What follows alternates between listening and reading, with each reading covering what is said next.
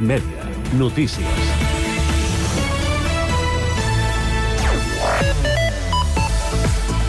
Bon dia. La brossa dels contenidors marró, groc i gris que recullen cada dia els camions de les escombraries la porten a l'Ecoparc 2 de Montcada i Reixac. Allà es fa el tractament pertinent per recuperar tot el que es pugui, des dels envasos fins al paper que es cola al contenidor de resta i fins i tot aconseguir energia amb el biogàs que s'aconsegueix amb la matèria orgànica. L'equipament ha obert les portes a Cugat Mèdia per mostrar el tractament que es fa de les escombraries i per dotar-les d'una segona vida. Trobareu el reportatge a Cugat cugat.cat. Sant Cugat ha retornat aquest dissabte al ritme que han marcat els trabucaires. La colla ha organitzat la tradicional trobada que ha plegat agrupacions d'altres municipis i que ha comptat amb la complicitat d'altres entitats de la cultura popular i tradicional de la ciutat. La plaça de l'1 d'octubre ha estat l'epicentre d'aquesta iniciativa que ha servit perquè els galejadors foragitessin els mals a tret de trabuc i també per acostar aquesta tradició a la ciutadania. Una trentena de persones s'ha sumat a l'edició d'enguany de la Memory Marcha, una iniciativa organitzada per l'Associació Familiars de l'Alzheimer del Vallès Occidental per conscienciar sobre aquesta malaltia. Els participants s'han trobat al Parc de Can Bernet i han pogut triar entre tres itineraris de 6 a 17 quilòmetres. Es tracta d'una caminada benèfica, ja que el cost de les inscripcions serveix per mantenir vius els projectes de l'entitat. En clau esportiva, el primer equip masculí del júnior ha empatat 1 a 1 contra l'Atlètic Terrassa la sisena jornada de la Lliga MGS. Els d'Oriol Torres han aconseguit salvar un punt en els instants finals de partit. El golejador Arnau de Bruygen ha estat qui ha igualat l'enfrontament en una acció de penal corna. El Sanco femení s'ha retrobat aquest diumenge amb la victòria amb una golejada contra el Viladecans. El partit corresponent a la jornada 7 de preferent ha acabat amb un 5 a 1 que porta bones sensacions a les de Juli Garcia, que venien d'un empat contra el Santa Susanna. El primer equip masculí del club rugby Sant Cugat ha sumat la segona victòria de la temporada per 34 a 10 davant l'Hospitalet amb maig corresponent a la jornada 4 del grup B de Divisió d'Honor B. Els de Martín Garcia han edificat el triomf amb una sòlida defensa i un joc ofensiu molt elèctric. Res més per ara. Tota la informació la trobareu a www.cugat.cat i també a les xarxes socials, a Facebook, a Twitter i a Instagram. Cugat Mèdia, la informació de referència a Sant Cugat.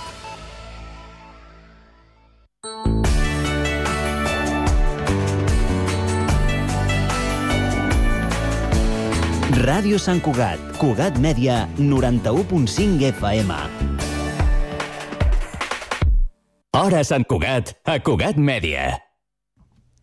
Aquesta tardor fa 50 anys d'un fet que ha passat a la història contemporània de Catalunya. La detenció de 113 membres de l'Assemblea de Catalunya. Aquesta reunió de totes les forces antifranquistes catalanes va començar a treballar juntes per acabar amb la dictadura i iniciar una transició cap a la democràcia. El 7 de novembre de 1971 es va formalitzar l'assemblea al convent de Sant Agustí de Barcelona, però dos anys més tard la policia franquista es va assabentar d'aquestes trobades clandestines i va detenir 113 de les 150 persones que hi havia dins la parròquia de Maria Mitjancera el 28 d'octubre de 1973. Entre aquests 113 detinguts hi havia alguns sancugatencs i un d'ells està als estudis de Cugat Mèdia en aquests moments. Jordi Parés, benvingut. Gràcies, ben trobat. Què hi feia vostè el 28 d'octubre de 1973 a la parròquia de Maria Mitjancera? Bé, jo estava allà com a representant de, dels enginyers, dels enginyers joves. Eh, jo era secretari en aquell moment de la Junta del Govern del Col·legi d'Enginyers i havíem format un grup de joves on hi havia molta gent progressista que estava preocupada per la situació, pel moment, pel moment polític, i que van tenir com a, com a bueno, una molt bona resposta a la crida que va fer la, la taula de les forces polítiques de Catalunya de crear una assemblea, de crear una assemblea molt àmplia, una gran diferència amb el que és avui en dia l'assemblea, la dita Assemblea de Catalunya, Aleshores eh, va ser un, un moviment que de partits polítics va passar a molts sectors socials, no? Llavors, col·legis professionals hi eren molts representats, hi havia molts sindicats, moviments de veïnals, hi havia associacions de veïns i molta gent a les comarques. O sigui, l'assemblea va tenir un gran èxit perquè realment suposo que responia a una necessitat del moment, tot i sent clandestina, eh, es, va, es, va, es va realment estendre com taca d'oli. Uh mhm. -huh. la, efectivament, la, la formació l'any 71 la, al convent de Sant Agustí, en el qual jo hi vaig estar-hi, va ser un fet emocionantíssim. Uh mhm. -huh. No sé si coneixes la història, però... Una miqueta, però no massa. Bueno, ens vam començar a trobar a partir de primera hora a les misses de set, entràvem en un grup, ens quedàvem a dintre, i quan la gent sortia de la missa nosaltres ens, ens conduïen cap a uns eh, dependències de, de Sant Agustí. Uh mhm. -huh. I així fins a les dues. Vostè era catòlic en aquell moment? No. No. Per tant, fer-s'hi fer, per s'hi havia de fer passar, no? Sí. I aleshores, bueno, a les dues es va tancar les portes de l'església, van baixar tots a, a l'església i allà es va fer l'assemblea que va presidir l'Andreu Avelló, bueno, va ser, va ser molt, molt emocionant. Uh. -huh. no sé. Ara, quan mira en perspectiva, no? potser no, en aquell moment, ja, ja pel que explica, va ser emocionant, ja ho va notar, però amb la perspectiva del temps, la sensació de dir, jo hi era, no? Jo vaig ser allà, en aquest moment històric, deu ser molt gratificant, no? Sí, és gratificant, sí, sí, efectivament. Efectivament és gratificant i, bueno, penses que és el teu gra de sorra en el que ha representat la lluita antifranquista i els moviments d'oposició al règim, etc. Sí, sí, el gra de sorra. Uh -huh. um, vostè hi era en representant del Col·legi d'Enginyers, Uh, per tant, no hi anava en representació de cap partit polític. Vostè tenia alguna filiació política en aquell moment? Sí, jo pertanyia al, al PSUC. Uh -huh. uh, bueno, feia temps que jo vaig entrar al PSUC l'any 67, ja havia acabat la carrera i era enginyer, i, i de fet la meva representació no era en tant que membre del PSUC, que era un militant més, sinó com a secretari de la Junta del col·legi. Um, segur que ha tingut l'ocasió de veure la seva fitxa policial d'aquell dia, no? Sí. S'ha publicat, etc. Sí, sí. Jo l'he consultat ara fa una estona i allà posa no pertenece a ninguna organizació política. Home, esclar, a, a de Troles, evidentment, jo vaig anar allà a eh, parlar de, la, de no sé quina encíclica era, la que ens van dir que era la consigna. Quan anàvem a una reunió d'aquesta hi havia una consigna. Si passa alguna cosa, hem anat a parlar de... I en aquell cas em sembla que va ser la Unuar, o no sé, no, una, una de les últimes encícliques papals. I jo no em vaig sortir de, del guió molt bé. Tampoc he de dir que no em van posar la mà sobre, eh? O sigui, va ser un interrogatori relativament curt i mm -hmm. no, no el recordo amb especial problema, vaja. El, li volia preguntar precisament per, per això. És a dir, va ser, el van detenir en aquell moment, però no va passar alguna nit al calabós, no va anar a presó ni res, eh? Va ser una detenció... O, oh, i, ta, I tant, que vam anar a presó. Ah, d'acord, d'acord. Doncs què, què, què va suposar? Bueno, va suposar... Eh, primer sortir manillat, que també ja és impressionant. Uh -huh. eh, precisament vaig sortir manillat amb el degà del Col·legi d'Aparelladors. Eh, per casualitat, eh? perquè estàvem sentats junts i ens van manillar junts, anàvem de dos en dos. Ens van portar als galossos de Via Laietana i allà vam estar-hi crec que dues nits. Eh, ara em fa dubtar no sé si una o dues nits. El principal problema va ser que la gent sapia, que es va saber de seguida, que hi havia hagut la detenció i avisant a les nostres famílies i a l'entorn on nosaltres movíem per si hi havia que amagar o fer desaparèixer algun paperot que, que sempre hi havia paperots, a casa. la veritat és que això va ser a l'inici, ens van portar després al jutjat, i del jutjat a la Model. Ja vaig estar un mes a la Model. Un mes a la Model. Un mes a la Model, jo, que no tenia antecedents. Els que tenien antecedents van estar-hi dos mesos. I amb, el, amb la mala sort que els hi va enganxar la, la voladura del Carrero. Uh mhm. -huh. O sigui, el segon mes va ser com l'atemptat d'ETA que es va encarregar Carrero Blanco, que va ser un moment d'una certa tensió i pànic a dintre de la presó. Jo ja estava fora. i aleshores eh, la nostra feina des de fora va ser anar-los a visitar i dir no passa res, està tot controlat, tingueu tranquil·litat, en fi, el que sabíem. Clar. Abans, abans em deia que en l'interrogatori no li van posar la mà a sobre, però quan, en aquella època, quan un l'enviaven a Via Laietana, no sabia mai què podia passar, no? Ah, no, evidentment, evidentment, sí, sí. No, no, eh, dir que m'ho vaig passar bé a Via Laietana, no, perquè vaig tenir molts mals de caps, estàvem, estàvem sort que estàvem, clar, en les, en les eh, presons de sota, bueno, en les cel·les de sota, pues, hi havia molta gent coneguda. El Pere Portavella, hi havia el Carles Santos, hi havia el Soler Barberà, hi havia gent de, que ja tenien potser més experiència que nosaltres mateixos, que érem els jovenets d'allà, i, i ells van mantenir molt bé la moral. Guti mateix, Antoni Gutiérrez Díaz, estava a la cel·la del costat, i quan vaig baixar, no sé com ho sabia, però em va dir, no, ho has fet molt bé, eh? ho has fet molt bé. Jo no sé, no sé com ho sabia, però jo em baixar de l'interrogatori i ell ja sabia que jo havia, que no havia cantat, diguem-ne, que no havia dit res. Va. Molt bé. Um, que, ara, què va suposar l'Assemblea de Catalunya en aquell moment? És a dir, tot i que es va, va decapitar, per entendre's, no?, amb aquella detenció, però va seguir viva la, la flama, no? És a dir, no van poder aturar, no?, el que significava allò. Home, eh, significava això, intentar coordinar tots els moviments que feien alguna cosa eh, arreu de Catalunya. I la gràcia d'aquesta detenció, si és que té alguna gràcia, és que van poder fer dintre de la presó el que no ens deixaven fer a fora. Perquè en la presó estàvem 90 dels 113. Els altres eren les dones que estaven a la presó de dones. Sí, encara no hi havia paritat en aquell moment. I, i en el pati cada dia fèiem reunions de l'assemblea.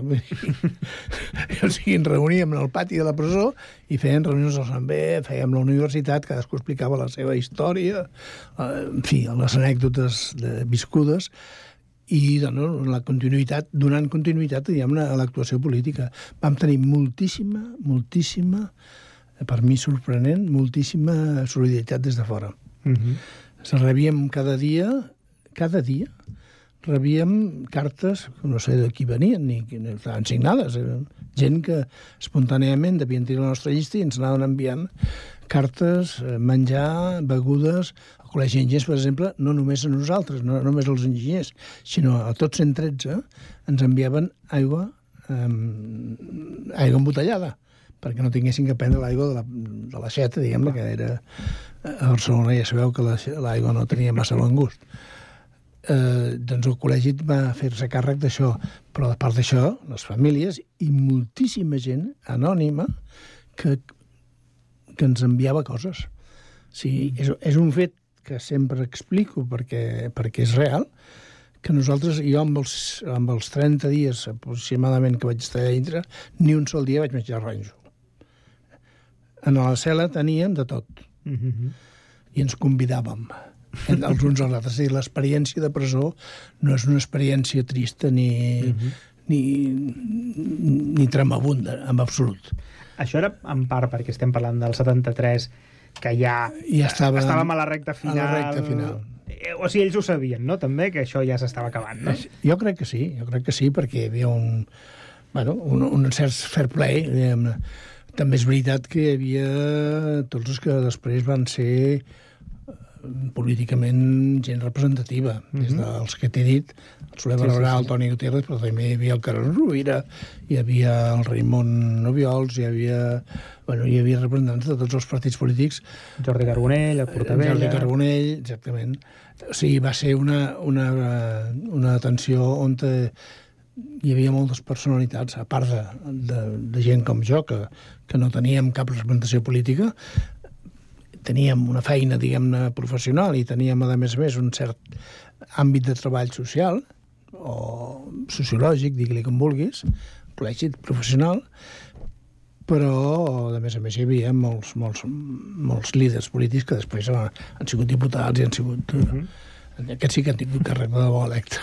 I li volia preguntar, és a dir, no han volgut o no li han ofert o no li ha interessat fer carrera política després d'allò? No m'ha interessat, la veritat, no, no m'ha interessat.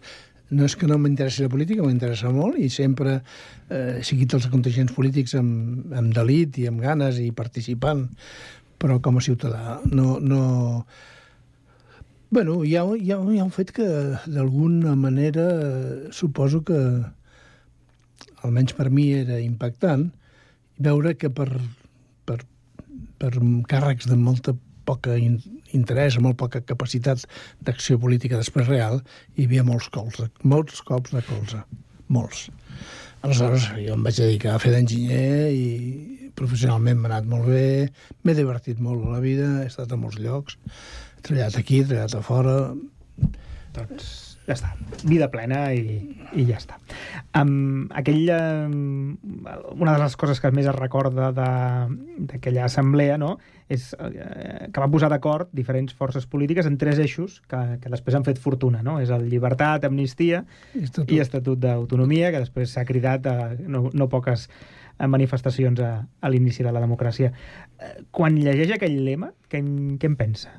Eh, Queda massa lluny o, o, no ho tenim tan lluny? No ho tenim tan lluny, evidentment que no.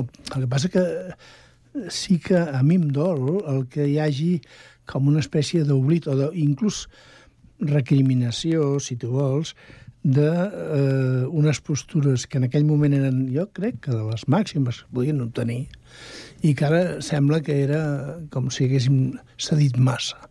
No es va cedir res. No es va cedir res. I ens jugàvem la presó, ens jugàvem la palissa, ens jugàvem alguna cosa més.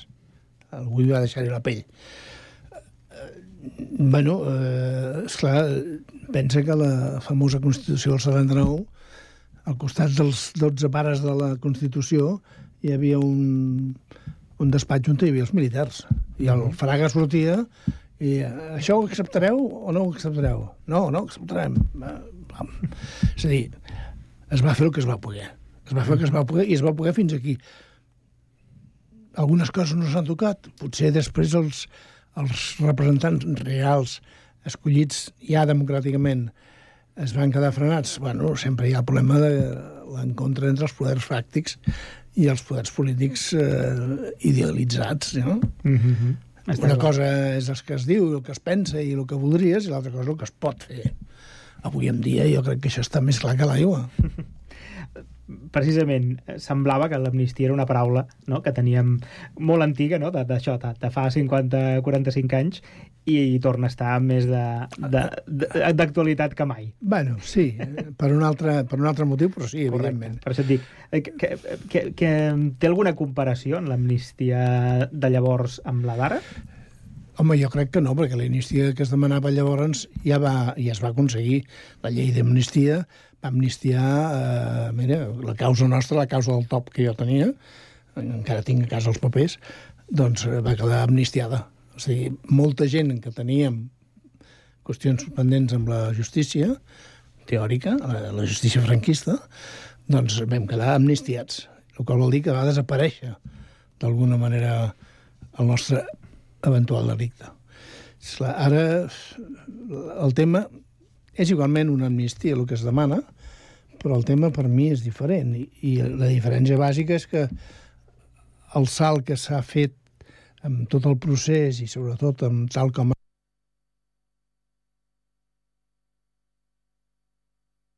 que s'ha saltat la legislació que ens havíem donat. Uh -huh. Estatut i Constitució. Que no es pot canviar perquè democràticament, si hi han canals per poder modificar les lleis fonamentals que regeixen dintre del país, has d'apurar aquests canals. I no has de fer el... Bueno, el que estic absolutament en contra és del, del, de la, la via aquesta de la, la, li- la línia lateral de Sant Cugat. No. Això no és representatiu de res. Uh -huh. I és veritat que en un moment donat aquí semblava que hi havia a Catalunya un percentatge suficient com per aixecar aquesta bandera i es va aixecar però, clar, sense tenir en compte les conseqüències i d'alguna manera jo crec que es va fer molt malament. Uh -huh. Com va viure l'1 d'octubre? L'octubre vaig viure, no vaig anar a votar, Uh -huh. però vaig anar eh, a fer guàrdia a les urnes. A veure, Si van a fer guàrdia, però no van a votar, eh? no vaig votar, però vaig anar a fer guàrdia, perquè una cosa és la repressió, evidentment en contra. L'altra cosa és que jo no estava d'acord amb aquell referèndum, que em semblava que, d'alguna manera, bueno, podia causar més perjudici que avantatges. Per què?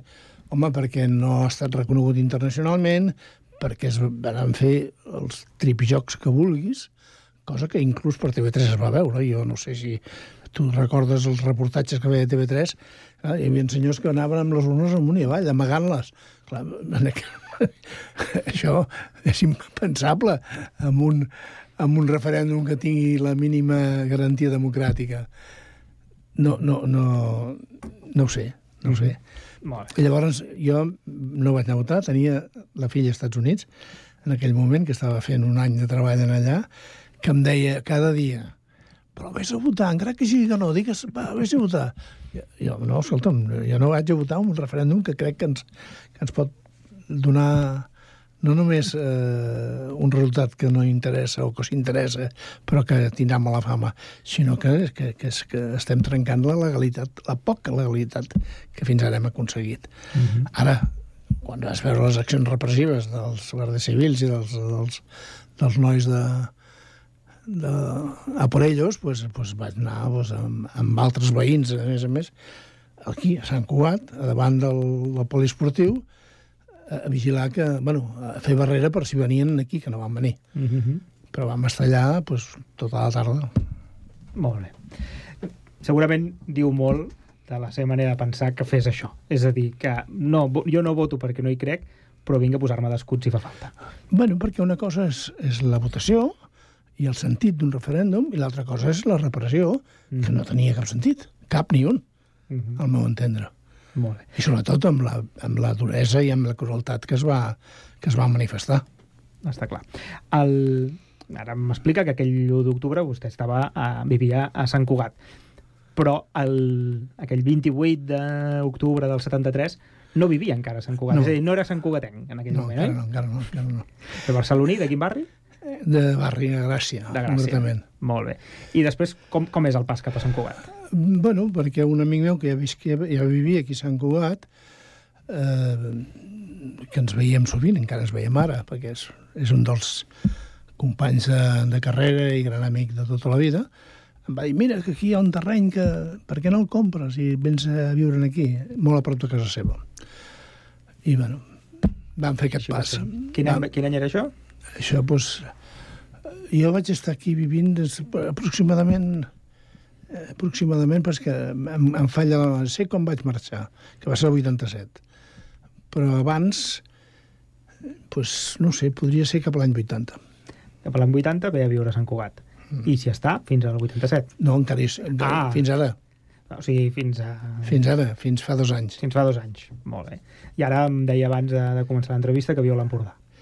Bueno, un peu aquí, un peu allà, no? Sí, sí. No, no, visc, no, no, visc, visc a l'Empordà ara. Sí, en tot aquest període de temps em vaig fer una segona residència a Sant Cugat i ara fa dos, dos, dos anys em vaig, em vaig separar, bueno, es va separar la meva dona i ella es va quedar a la vivenda de Sant Cugat Mm -hmm. i jo em vaig anar a viure allà dalt. Molt bé. Perfecte. Doncs moltíssimes gràcies, Jordi Parés, per fer una miqueta de, de memòria de coses que semblen ara molt llunyanes, però segurament no ho són tant. No, i sobretot molt viscudes, evidentment. I viscuda segur, ho va viure molt intensament i com dèiem al principi, no? aquell granet de sorra en la història d'aquest país vostè la, Alguna, alguna cosa hi he contribuït, la, sí. pot, la pot portar amb, amb molt d'orgull. Moltíssimes gràcies. Gràcies a vosaltres. Nova temporada de Cugat Mèdia. Les mirades. Les veus. Les emocions. Els batecs. Els vincles. Consulta la programació a www.cugat.cat. Cugat Mèdia. Arribem a tu amb tots els sentits.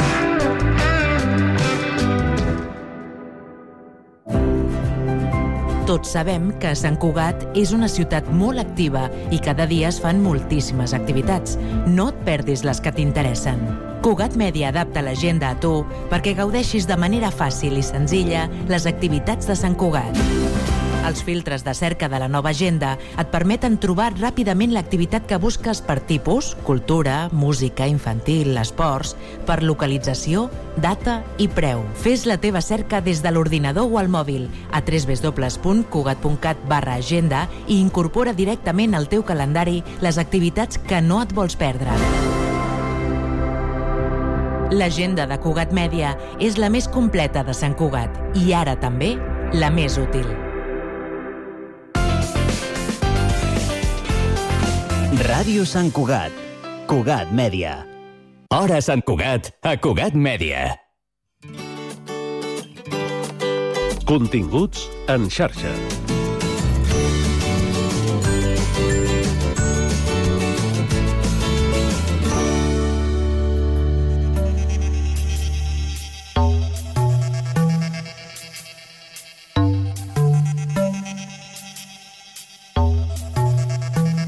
L'empresa catalana Ocean Ecostructures ha desenvolupat un biomaterial innovador derivat de subproductes de la indústria sider- siderúrgica i agroalimentària que s'utilitza per a la construcció d'estructures de regeneració d'ecosistemes marins. En concret, el producte final es compon de restes d'escòria blanca, residus provinents de la indústria siderúrgica i closques d'ou i de bivalves, com els musclos o les ostres. Aquesta empresa ha treballat conjuntament amb el Centre de Desenvolupament de Sistemes d'Adquisició Remota i Tractament de la Informació, el SARTI, de la Universitat Politècnica de Catalunya, i ha comptat amb el suport i ajut de més de 392.000 euros d'Acció, l'Agència per a la Competitivitat de l'Empresa del Departament d'Empresa i Treball. En parlem amb la directora científica de l'empresa Ocean Ecostructures, que està liderant el projecte, Anna Lloberes. Benvinguda. Hola, bona tarda i gràcies per l'oportunitat de parlar del projecte. Eh, explica'm, comencem pel principi, com vau descobrir aquest material nou i exactament com permetrà eh, la regeneració dels ecosistemes marins? Bueno, en primer lloc, eh, nosaltres eh, desenvolupem solucions per la regeneració marina i tenim diferents productes que, que ja tenim eh, validats i instal·lats a diferents ports i diferents plataformes offshore, que el que permeten és eh, compensar una mica l'impacte que hi ha la, de l'acció humana a dintre d'aquests ecosistemes, que són ecosistemes que, que estaven bastant danyats, que diguem, i el que els intentem és ajudar a que a partir de materials i substrats naturals i estructures complexes assimilar uns ecosistemes naturals i ajudar, permetent així la regeneració marina. No? Uh, un dels productes que treballem nosaltres és, uh, amb, treballem amb l'impressió 3D, una tecnologia bastant innovadora, i sempre intentem treballar amb substrats naturals. Llavors, fent un dia una pluja d'idees, eh, vam dir que per què no tornar una mica, bueno, promocionar una mica l'economia circular, no?, i tornar a l'aigua certs components que ara pues, eh, es residuen com a, com a material, matèria orgànica. I, i dèiem de, de, de començar pues, a, a explorar amb els músculs. Al final nosaltres ens basem en materials naturals rics en carbonat càlcic i, òbviament, els músculs tenen la seva closca, és un tant per cent molt elevat de carbonat càlcic i era la fórmula perfecta no, de, de, de buscar aquest nou material, que no tenim encara, estem desenvolupant-lo, encara encara estem a, a, mitja, a mitjans de projecte. I amb tot aquest procés eh, també ens hem, bueno, vam tenir diverses reunions amb, amb el grup eh, CERSA, amb l'empresa Bernastil, que ells també tenen aquí un subproducte molt interessant, també ric en carbonat càlcic i que actualment eh, no residuen o no, no promocionen aquesta economia circular, no, que diguem, o potser no li porta tant valor afegit com el que podria portar a incorporant aquest ingredient en una formulació nova. I així va començar la, la idea de, de, de desenvolupar una proposta. Sempre Acció ens està ajudant molt a, a poder... Bueno, hi ha convocatòries molt competitives, però realment molt assequibles, a poder desenvolupar projectes com aquest. I, i mira, el vam escriure, i òbviament també amb, amb la gent del, del SARTI, que ja teníem algun projecte en ment, doncs va ser l'oportunitat perfecta per tancar el consorci.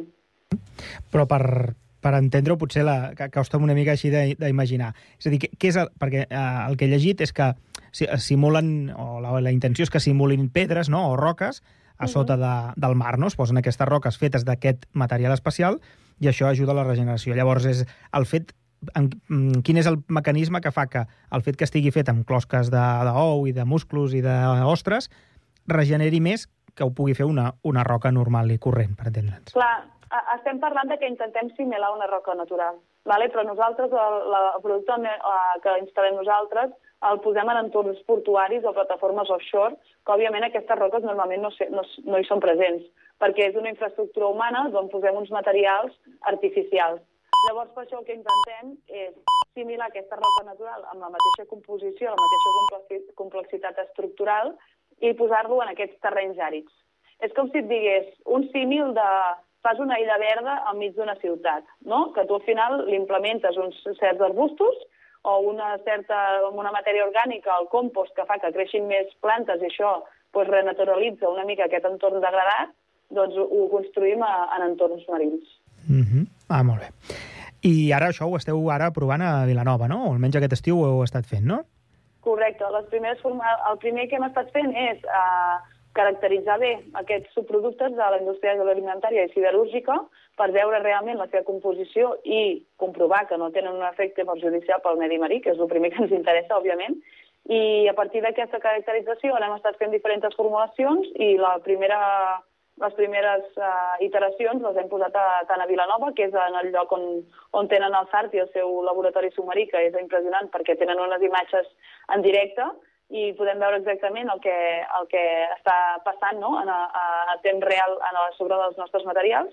I també ho hem instal·lat a, a Palamós, al Port Marina Palamós, que també és un lloc que nosaltres com a empresa tenim molt, molt treballat, que és on vam posar els primers productes i el coneixem molt. Llavors allà també vam dir que podíem... Bueno, hem fet una mica de comparativa entre el que s'observa en un entorn que encara no coneixíem i un entorn que, conegut per veure realment l'eficiència del material. Molt bé. I llavors, deies que just esteu en, en la meitat del procés no? de, de recerca d'aquest biomaterial. Qui, quins resultats haurien de, hauríeu d'obtenir en aquestes dues proves, de Palamós i de Vilanova, per, perquè això, diríem, es pugui dir, val, ho hem aconseguit, etc etc. És a dir, de, eh, quin, què és el que hauríeu d'aconseguir? Clar, ara mateix estem en el procés de que hem trobat una bona formulació i ara el que volem fer és que, es pugui, que sigui imprimible, perquè al final també la volem, volem que la innovació d'aquí també és que sigui factible per ser imprès. Uh, doncs una vegada uh, ho tinguem, llavors el producte, el prototip sencer el podrem posar a l'aigua. Igualment, el que estem observant ara també t'haig de comentar que és un projecte que dura, diria que són dos anys i mig o tres anys, però eh, la regeneració marina va molt més lenta. Llavors podrem observar els primers estadis de, del que és una colonització dinàmica no, de, de, dels entorns marins i ens podrà dir una mica si el, el biomaterial funciona o no funciona. Òbviament, fins d'aquí molts anys no podrem dir que realment assimila a una roca natural, però podrem començar a veure resultats significatius.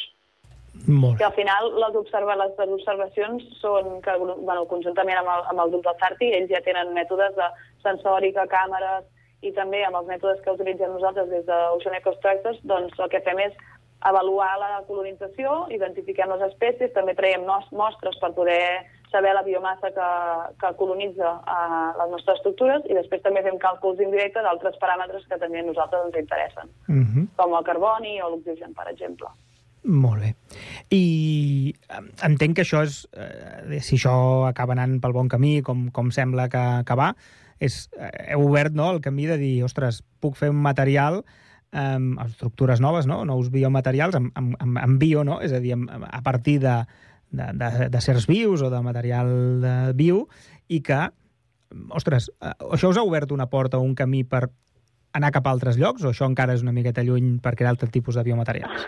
Um, ja veurem, ja veurem. Nosaltres el que sí que ens agrada molt és el concepte d'economia circular. No, no, no utilitzem materials vius, eh? però sí que el, el seu residu, al final és un residu, és un subproducte que, que ara hi ha, un, hi ha un greu problema en com, com ho residuen i com el tractes. No? Llavors, tu, tu poder-lo tant tornar uh, dintre d'una cadena de producció i que aporta un valor afegit, això és el més important. Uh, en un futur, no sé, ja veurem, ojalà puguem inventar un nou ciment que sigui un biociment, utilitzant aquest tipus de material que no, que no tingui una petjada de carboni amb un tant, un tant impacte, no? I que, i que promocionem això, l'economia circular, que és el que tenir, té la, la intenció aquest projecte. Molt bé. I llegir que sou una empresa bastant jove, no? Vau néixer el 2020, pot ser? Sí. Sí, no? Molt bé. I que el, neix de, diríem, d'alguna universitat o així? És el, a partir d'alguna no, investigació? No, no, no, eh? No, sí, sí que tenim realment un, un, un grup de científics darrere nostre que ens apoya i ens ajuda amb tot el necessari a nivell científic. Uh, però no, és, una, és com un spin-off d'una altra, altra empresa que es diu Sustainable Ventures. Ara nosaltres ja tenim entitat pròpia, però sí que ens va ajudar molt a formar part de la, del, del clúster que li diguem de, de Sustainable Ventures, que és una altra empresa que també és una startup, que ajuda a impulsar projectes en l'economia blava, no? Uh -huh. Llavors, eh, part de l'equip uh, participàvem i col·laboràvem amb Sustainable Ventures, vam veure una oportunitat de, de desenvolupar i que, que bueno, hi havia una oportunitat molt, molt gran eh, per fer temes de regeneració, repoblació també, i, i una gran necessitat, no? perquè al final estem, molts de nosaltres som biòlegs i ecòlegs i ens agrada molt el mar i estem veient que realment aquestes coses, hi ha, hi ha una gradació molt gran no? en aquests, aquests temes i els hem d'ajudar a, a impulsar la regeneració. Llavors, doncs mira, de l'oportunitat, eh, aquí estem. Perfecte. Doncs moltíssimes gràcies, Anna Lloberes, directora científica d'aquesta empresa, de Ocean Ecostructures, i felicitats per, per la feina. Moltes gràcies a vosaltres, que vagi molt bé.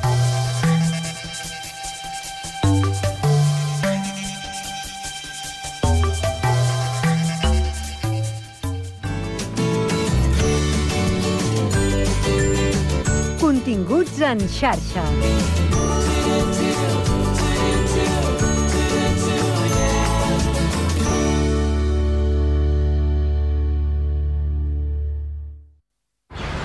Estàs pensant en posar plaques solars a casa teva? Doncs passa't a l'energia solar de manera fàcil i segura amb la teulada, experts en energia solar i el nou espai d'assessorament per a la ciutadania i les empreses. Informa't a la teulada arroba amb.cat o contacta'ns per WhatsApp al 645 725 465. La teulada és un servei de l'AMB finançat amb el Fons Europeu de Desenvolupament Regional. AMB, Metròpolis de Barcelona. Ràdio Sant Cugat. Ràdio Sant Cugat. Ràdio La Maroteca de la Ràdio. Un programa de ràdio que parla de ràdio. La Maroteca de la Ràdio. Escoltarem programes de ràdio dels últims 40 anys. La Maroteca de la Ràdio. Un programa on despertarem la teva nostàlgia. La Maroteca de la Ràdio. T'esperem els dilluns a les 12 del migdia a Ràdio Sant Cugat, 91.5 FM.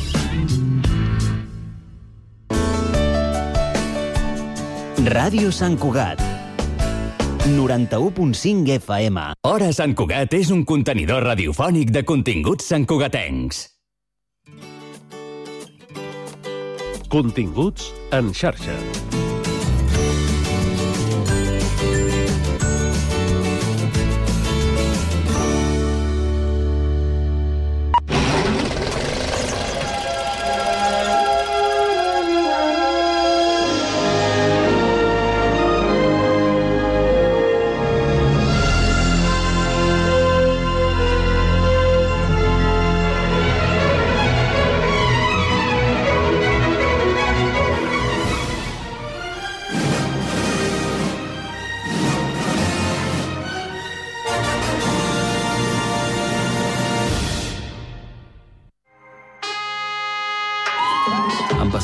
Tres años desde el fin de la Segunda Guerra Mundial y aquí está a punto de empezar una persecución fabulosa. Con ustedes, el poeta Pablo Neruda. Puedo escribir los versos más tristes esta noche.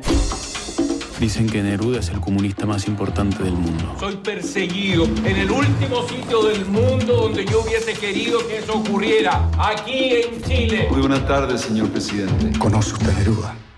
No, no, yo. Sí, señor. Atrápelo y humíllelo. Vamos a pasar a la clandestinidad. Lo siento mucho, pero no lo puedo dejar salir del país. Te quiero, poeta. Te quiero. No te imaginas cuánto te quiero. ¿Dónde estará? No sabemos. Me voy a convertir en su peor pesadilla. ¿Quieres que te encuentren? Me gustaría sentirlos más cerca.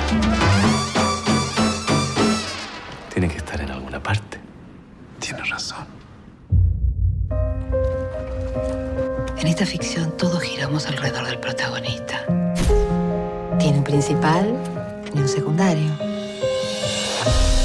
Lo que pasa es que usted quiere un escape grandioso.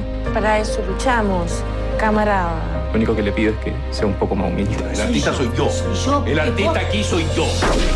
En las novelas, el policía persigue al asesino hasta el final.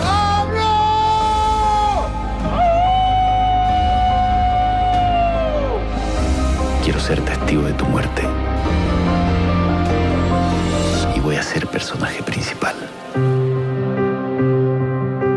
Esto tiene que ser una cacería salvaje. Hola, amics. Això és Cinema a la xarxa i qui us parla és en Víctor Alexandra. Aquests diàlegs amb què hem obert pertanyen a la pel·lícula Neruda, del 2016, dirigida pel xilè Pablo, Pablo Larraín, eh, atès que avui dedicarem el programa a Pablo Neruda amb motiu del 50è aniversari de la seva mort. Recordem que va ser assassinat el 1973 pel règim de Pinochet quan tenia 69 anys. Després en parlarem d'això. Eh, Neruda, que havia nascut el 1904, va tenir molts contactes amb Catalunya, perquè, a més de residir a Barcelona com a cònsul de Xile, també va ser a casa nostra on va conèixer i iniciar una amistat amb Rafael Alberti. Ell, com hem sentit, era comunista fins al moll de l'os i quan va esclatar la Guerra Civil Espanyola es va implicar a favor del cantó republicà i va cooperar en l'acollida xilena d'exiliats espanyols. El film Neruda, de Pablo Larraín, situa l'acció a l'època en què Neruda era senador i el seu nom sonava com a possible president del país, de Xile. El personatge del poeta l'interpreta el lector xilè, Luis Neco. El policia feixista obsedit a matar-lo és l'actor mexicà Gael García Bernal. El paper de Picasso l'encarna Emilio Gutiérrez Cava i el català Pablo Derqui és qui dona vida a Víctor Pey, que era un professor i empresari d'origen usonenc que era amic de Neruda i assessor de Salvador Allende. Una altra pel·lícula sobre Neruda, molt més recent encara, és Ardiente Paciencia, del 2022, del xilè Rodrigo Sepúlveda, que recull la coneguda història de Neruda amb un pescador reconvertit en carter d'Isla Negra, l'illa on, entre viatge i viatge, Neruda va viure els darrers anys de la seva vida. Aquesta és una escena de Ardiente Paciencia. Mijita, no me cuente más. Estamos frente a un caso muy peligroso. Los hombres que primero tocan con la palabra, después pueden llegar mucho más lejos con las manos. Pero mamá, ¿qué tienen de malo las palabras? No hay peor droga que el bla bla. Hacen sentir a una mesonera de pueblo como si fuera una princesa veneciana. Y después, cuando llega la hora de la verdad, la vuelta a la realidad, te das cuenta que las palabras son un cheque sin fondo. Prefiero mil veces que un borracho te toque el culo en el bar a que te anden diciendo que una sonrisa tuya vuela más alto que una mariposa. Se extiende como una mariposa. ¡Qué vuelo que se extiende! Me da lo mismo. ¿Y sabes por qué? Porque detrás de las palabras no hay nada. Son luces de bengala que se deshacen en el aire. Las palabras que me ha dicho Mario no se han deshecho en el aire. Las sé de memoria y me gusta pensar en ellas cuando trabajo. Ok. Haces tu maleta y te vas por unos días donde tú tienes Santiago. Pero mamá, yo no quiero. Tu opinión no me interesa. Esto se ha puesto muy grave. ¿Qué tiene de grave que un cabro te hable? A todas las chiquillas les pasa. Primero, que se nota a la legua que tu cartero, las cosas que te dice se las ha copiado a don Pablo. Nunca me dijo que fueran de él, pero me miraba y le salían así como pájaros de la boca. Como pájaros en la boca. Vaya haciendo su maletita tranquilita. ¿Sabes cómo se llama? Cuando alguien dice cosas de otro y no dice de quién son. Plagio. Y tu cartero puede ir a dar a la cárcel por andar diciéndote metáforas. Ardiente Paciencia, de Rodrigo Sepúlveda, una pel·lícula rodada a la mateixa Isla Negra, que és on es conserva la casa de Pablo Neruda. Ara és un museu visitat per milers de turistes d'arreu del món i cada 12 de juliol, que és el dia que va néixer Neruda, s'hi fan celebracions per commemorar-ne l'aniversari. Eh, també hi ha escriptors i artistes diversos que viuen en aquella zona. L'any 1994, el director britànic, nascut a l'Índia, Michael Radford, va fer una pel·lícula preciosa sobre la història de Neruda i el carter, que va tenir moltes nominacions a l'Oscar. Es deia Il Postino, el carter, però es va estrenar entre nosaltres com El, el, el carter i Pablo Neruda. El cas de Michael Radford, eh, el director, és ben curiós perquè la seva obra com a director havia passat força desapercebuda fins que va fer aquesta pel·lícula. És cert que havia fet el, la pel·lícula 1984, una adaptació de la novel·la de George Orwell, precisament el mateix any 84, però també havia tingut una acollida molt discreta. Tanmateix, el carter i Pablo Neruda va ser un esclat, va ser tot una sorpresa. En aquest film, l'acció no tenia lloc a l'escenari real d'Isla Negra, a Xile, sinó que es va situar a l'illa de Procida, una illa petita del golf de Nàpols, més petita que Isquia o que Capri, que només té 4 quilòmetres quadrats i que és un racó de món encantador amb cases pintades de colors cridaners. Precisament, Elsa Morante, esposa d'Alberto Moravia, durant 20 anys, va publicar la novel·la L'illa d'Arturo, el 1957, amb un protagonista, Arturo, que no havia sortit mai de l'illa de Pròsida, d'aquesta illa. I el 1962, per cert, se'n va fer una versió cinematogràfica dirigida per Damiano Damiani, força notable, de l'illa d'Arturo. També aquesta illa va ser un dels escenaris de la pel·lícula L'enginyós senyor Ripley, d'Antoni Minghella, basada en la novel·la de Patricia Highsmith. Però és Il Postino la pel·lícula que ha donat més relleu internacional a l'illa de Pròsida. A Pròsida encara existeix la taverna on anava Pablo Neruda. S'hi fan menjars i ara es diu la locanda del Postino, la fonda del carter. Escoltem ara una escena en què Philippe Noguer, en el paper de, en el paper de Neruda, i Massimo Troisi, en el paper de carter, mantenen aquesta esplèndida conversa. Las palabras iban de aquí para allá. Como el mar, ¿no? Igual, sí, como. como el mar. Pues Como- eso es el ritmo. Será eso, sí, porque me he mareado. ¿Te has mareado? ¿Sabe? No sé explicarlo. Me sentía como una barca sacudida por todas esas palabras. Como una barca, sacudida por mis palabras. Eso es. ¿Sabes lo que acabas de hacer, Mario? No, ¿qué he hecho? Una metáfora. No. ¿Sí? No. ¿Cómo que no? ¿De verdad? Sí. Sí, pero no vale. Porque lo he hecho sin querer. Lo importante no es quererlo, porque las imágenes surgen espontáneamente. Entonces, me está diciendo que, por ejemplo, no sé si me explico, que el mundo entero, ¿no? El mundo entero, con el mar, el cielo, la lluvia, las nubes... Ahora ya puedes decir etcétera, etcétera. Etcétera, etcétera. El mundo entero es la metáfora de otra cosa. Me parece que he dicho una tontería. No, no, en absoluto. En absoluto, no. El carter i Pablo Neruda és una d'aquelles pel·lícules que no t'importa tornar a veure al cap del temps. És preciosa. Felip Noguer, interpretant Pablo Neruda, estava magnífic, però Massimo Troisi, interpretant el carter, estava formidable, gegantí.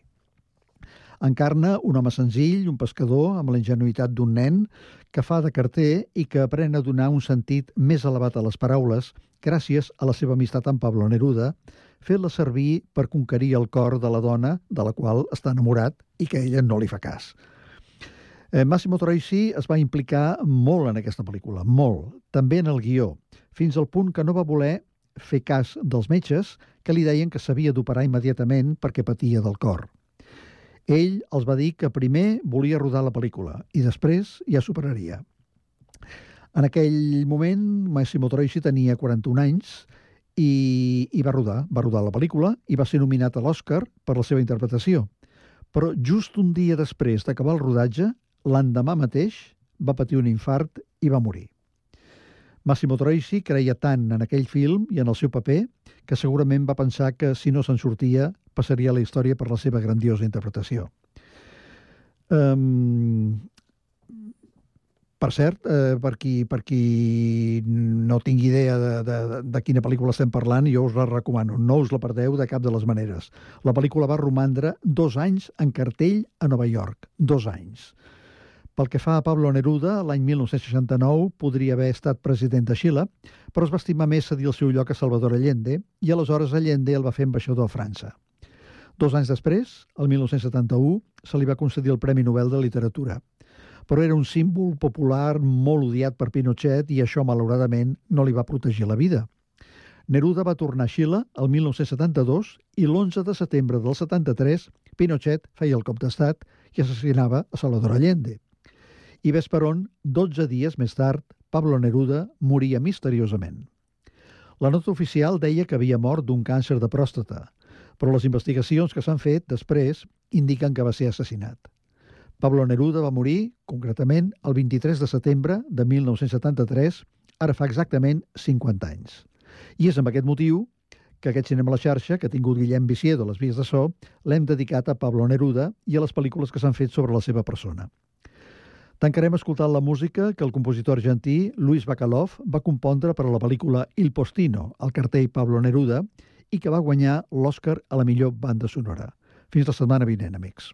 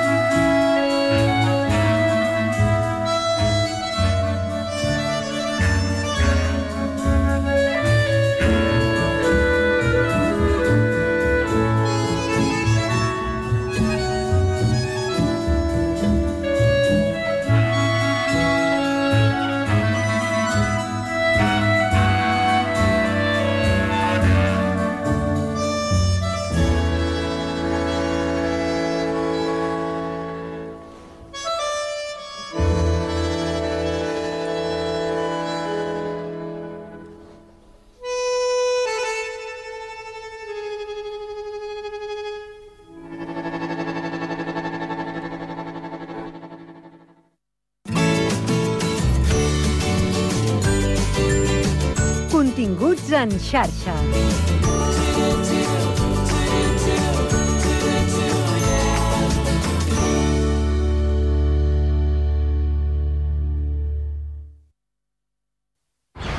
Estàs pensant a posar plaques solars a casa teva?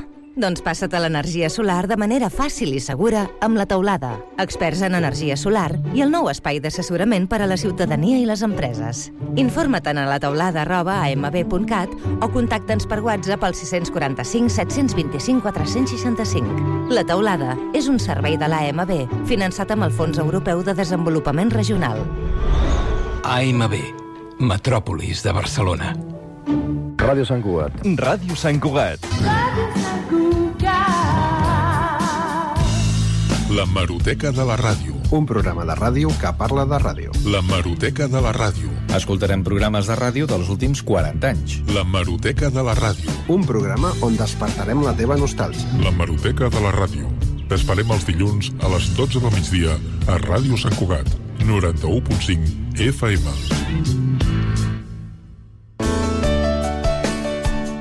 Ràdio Sant Cugat. 91.5 FM. Hora Sant Cugat, a Cugat Mèdia.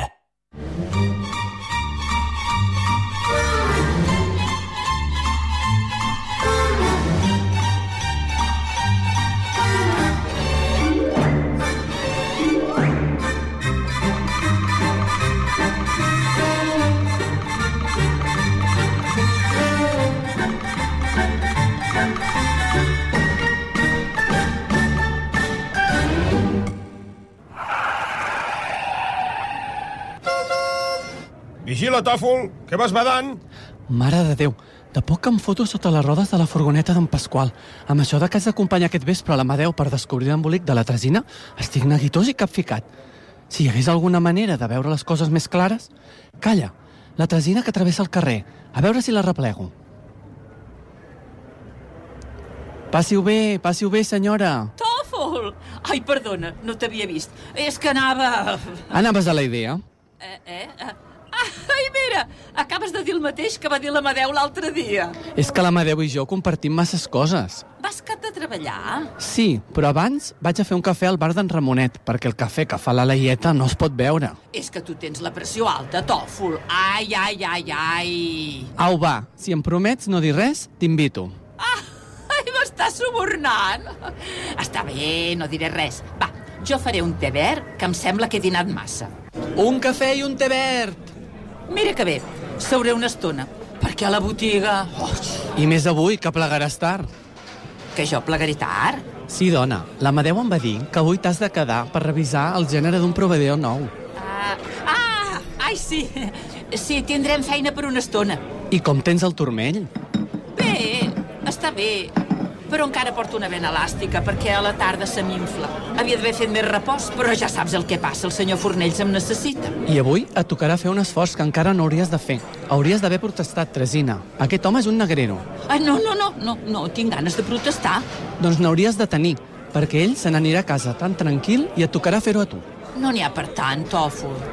Mira, aquesta tarda ha de venir al taller perquè vol que li revisi l'oli i els frens. Deixa-m'ho a mi.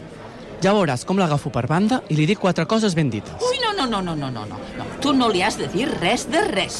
Eh, si de cas ja li diré jo, que no vull que es pensi que vaig dient coses d'ell a la seva esquena. Eh, Prometem que no li diràs ni una paraula. Està bé, dona, està bé, no pateixis, però tu t'has de queixar. Ho faré, ho faré. Ui, me'n vaig que encara arribaré tard. Adéu, Tòfol. Adéu, Tresina. Això pinta malament, molt malament. A la que li he dit que parlaríem amb Fornells, s'ha posat molt neguitosa. Massa. El que ella no sap és que en Fornells no ha de venir al taller avui. Jo he dit lo de la revisió del cotxe per veure com reaccionava ella. I no recordava de que havia dit que plegava tard per revisar gènere. No li diré res de tot això a l'Amadeu. No el vull posar més nerviós.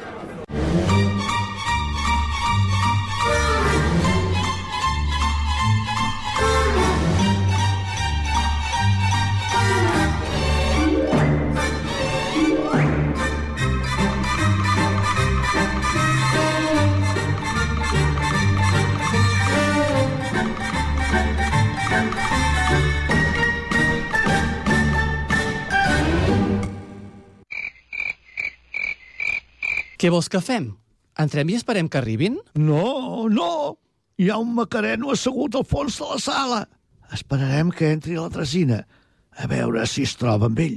Llavors, entrarem i els enxamparem en delicte fregant. Amadeu, la Tresina acaba d'entrar. Sí, ja l'he vist. Guaita, allà al fons, tots dos assegudets, juntets, mirant no sé què.